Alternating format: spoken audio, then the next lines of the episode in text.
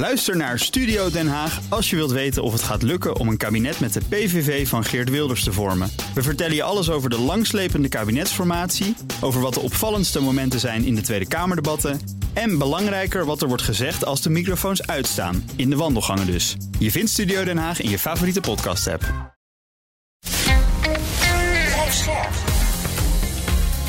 BNR Nieuwsradio. Boekenstein en de Wijk. Connor Klerks. Welkom bij Boekenstein en de Wijk. Het is dinsdag, dag 405 van de oorlog in Oekraïne. En we gaan het hebben over cyberoorlogsvoering. Want Rusland bereidt een grote cyberaanval voor op Oekraïne, maar ook daarbuiten. Rob. Ja, een paar weken geleden hebben we een discussie gehad uh, over de vraag hoe het toch kon. Uh, dat die uh, cyberoorlogsvoering van Rusland tegen Oekraïne, maar ook tegen het Westen, eigenlijk niet zo effectief is uh, geweest. Ja. En het interessante is, we kunnen daar nu een vervolg aan geven door het te hebben over een stapel van 5000 pagina's uitgelekte rapporten en documenten van NTC Vulkan. Dat is een, een in Moskou ge, gevestigde cybersecurity company. Uh, en die, uh, die, documenten die zijn op straat te komen liggen door toedoen van een klokkenluider. Iemand die niet, uh, ja, niet blij is wat er op dit ogenblik gebeurt in Oekraïne en zich dus tegen Rusland wil verzetten. En, dat, en deze, deze NTC Vulkan, uh, die speelt daar een belangrijke rol in. Dus het is eerst gelekt naar de Süddeutsche Zeitung, uh, maar je hebt dus ook grote stukken in de Wall Street Journal en in The Guardian. Echt heel erg interessant, omdat het gewoon een, een ja, het, het geeft een beetje een inzicht in hoe dat functioneert. We wisten al één ding, uh, het Internet Research Agency, die onder andere door Prigozhin wordt gebruikt, of volgens mij ook van Prigozhin is, dat zit in Sint-Petersburg. En dat poept er continu allerlei desinformatie en, uh, uit. En is ook bijvoorbeeld gericht op het beïnvloeden van de, uh, de hele discussie in het Westen en probeert ook uh, wiggen te slaan tussen Amerika en Europa. Nou, dat, dat zien we hier ook gebeuren. Maar dit gaat nog wel even een stapje verder. een onderdeel van NTC Vulkan is Sandworm. En ja. voor de beetje deskundigen onder ons, die weten onmiddellijk dat er dan echt alle alarmbellen, alarmbellen moeten gaan rinkelen. dat is een, een hackgroep. die heeft ook daaronder een militaire unit. Uh, dat is uh, de militaire unit 74455 voor de fijnproevers. En die spelen een rol uh, bij de grote hacks die er zijn geweest. bijvoorbeeld, kun je dat nog herinneren? Clinton? Ja, tijdens de jaren geleden, wat was het, 2016 volgens mij. toen de presidentsverkiezingen op gang kwamen. En Clintons e-mails zijn toen gestolen. Nou, dat, daar zit Sandworm achter. Ja. Sandworm zit ook achter de blackouts in Oekraïne 2015, dus een jaar nadat uh, de Krim is geannexeerd. En het allerbelangrijkste is, ze zitten ook achter de grote hack NotPetya. Ja. dat is de allergrootste cyberaanval uit, uit de geschiedenis. die is volgens de experts totaal uit de klauwen gelopen.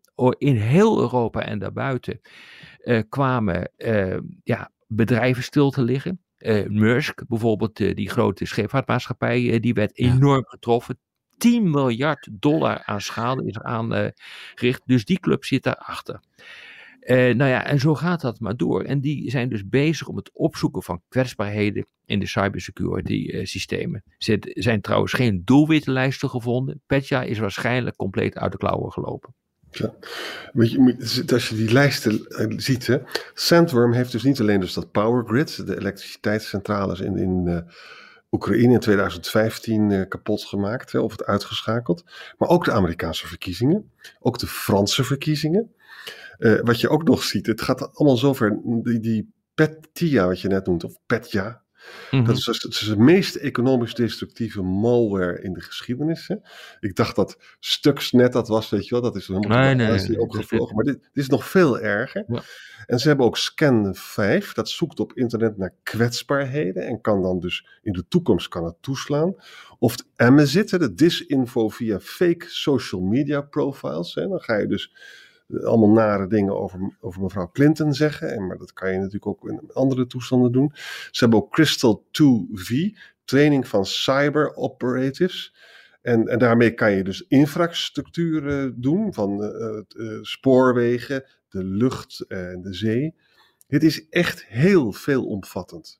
Ja, ja, ja, het is natuurlijk wel echt interessant. Hè? Het, is ook, het zijn de gegevens van 2016 tot 2021, dus nog voor de oorlog uh, begon. Dat moet even duidelijk worden uh, gezegd. Maar het is ook volstrekt helder uh, dat er directe relaties zijn met de inlichtingendiensten.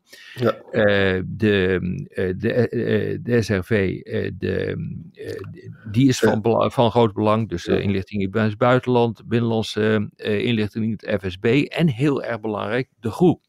Ja. Uh, de GRU is zeg maar de militaire inlichtingendienst van, uh, van Rusland, van de krijgsmacht. Ja. En daar zit een hitteam in. Hè. Dus in tegenstelling tot westerse uh, militaire inlichtingendiensten heeft deze ook een, ja, een soort hitteam. En kan dus ook in die zin ook offensieve operaties uitvoeren, inclusief uh, offensieve cyberoperatie. Maar zij kunnen dus ook gewoon uh, aanslagen plegen. Hè. De groep die zat achter uh, de aanslag in 2018. Skripal, kan je dat nog herinneren? Ja. Skripal was een, een, medewerker van de Roes Russische geheime dienst. En die is vergiftigd in... Salisbury, in Salisbury. In Salisbury, ja, die twee, die ja. twee mannen die zeiden dat het dat ze op bezoek waren gekomen om de prachtige toren te zien. Zo is het. Dat waren precies die mensen. Dus uh, die ja. deden ook niet eens, eens, moeite om te verbergen dat uh, ze logen. Maar uh, dat is een groep. dus je, je ziet hier hoe die inlichtingendiensten samenwerken. Dat vind ik het fascinerende van wat er nu op straat is komen te liggen en hoe ze het doen. En je noemde zo net, Arjan, Crystal 2V. en dat is inderdaad een trainingsprogramma. En uh, inderdaad wat je zegt, maar het is toch even uh, van belang om dat nog een keer te herhalen. Uh, dat gaat om kritische infrastructuur, onder ja. andere. je moet nu even nadenken over wat er gebeurt op dit ogenblik in de Noordzee. Ja. met de, de, de, de bouw van kritische infrastructuur, met name wind, zon, onderwaterkabels. Ik zat onmiddellijk te, daaraan te denken. Dat zijn dus de clubs die dat kunnen ontregelen. Ja, het is ongelooflijk interessant. En waarom weten we dit allemaal? Dat was gewoon een klokkenluider. Ja. En die, heeft, die, die wat, wat hij had, voelde zich heel slecht over wat er in de Oekraïne-oorlog allemaal gebeurde. En die heeft dus die duizenden pagina's doorgespeeld aan de Süddeutsche Zeitung en ook andere kranten. En die hebben dat allemaal lopen te bestuderen. En we weten dus nu dat ze in 17 Europese landen actief zijn. Dat ze maar liefst negen families van wiper malware. Dat zijn, ken je dat zo'n moment als je ja laptopje opstart en dan uh, klik je wat aan en dan ben je dus alles kwijt. Hè? Ja. En ze hebben ook trouwens een bug gebruikt in Outlook. Dat is gezellig. Heel veel mensen, hoeveel van onze luisteraars zitten niet met Outlook te werken? Hè? Ze hebben de spanningen in Moldova hebben ze vergroot. Hè? Dus het is, het is eigenlijk heel. Het is, het is gebruik van social media. Het gaat om uh, beïnvloeding. Het gaat ook om ransomware. Het gaat om uh, kritische infra. Het is, het is heel een veelkoppig monster. Ja, klopt. Ja, nou ja, goed. Uh, ja, daar hebben we dus mee te dealen. Hè? Dus als mensen nou nog niet uh, ervan overtuigd eh, zijn dat cybersecurity toch wel handig is, dan weet ik het verder ook niet meer. Hè? Dus er is nu zoveel naar buiten gekomen. En we zien het natuurlijk gewoon, ja, je ziet het waarschijnlijk ook op, uh, op jouw Twitter-account en op de sociale media in de algemene zin, wat er ook voor flauwekul wordt gepost. Je kan het vaak al gewoon zien aan de adressen.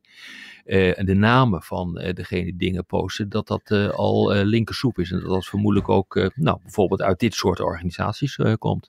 En zo'n lek, hè, Rob, schrikken ze daar dan van bij de Defensie of wisten ze het eigenlijk allemaal al? Nee, dat wisten ze wel. Alleen de details daarvan niet. Kijk, wat er nu mm. is gebeurd, is dat al die, die 5000 pagina's zijn voorgelegd aan de vijfde inlichtingendiensten in Europa en Amerika.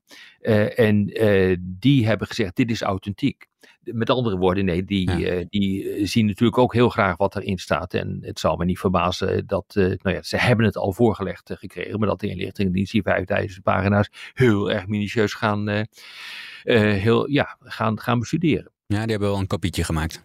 Uh, absoluut. Nou, die hebben waarschijnlijk een kopietje gekregen van uh, die kranten, omdat uh, ze hebben gezegd van oké, dit deugt wel en dit is, dit is werkelijk informatie die relevant is en dit is niet gefabriceerd. Ja. Tot zover dan, heren. Tot morgen. Tot morgen. Ook Hugo Reitsma vind je in de BNR-app. Superhandig die BNR-app. Je kunt alle programma's live luisteren, breaking nieuwsmeldingen. Je blijft op de hoogte van het laatste zakelijke nieuws. En je vindt er alle BNR-podcasts, waaronder natuurlijk de belangrijkste, Boekestein en de Wijk. Download nu de gratis BNR-app en blijf scherp.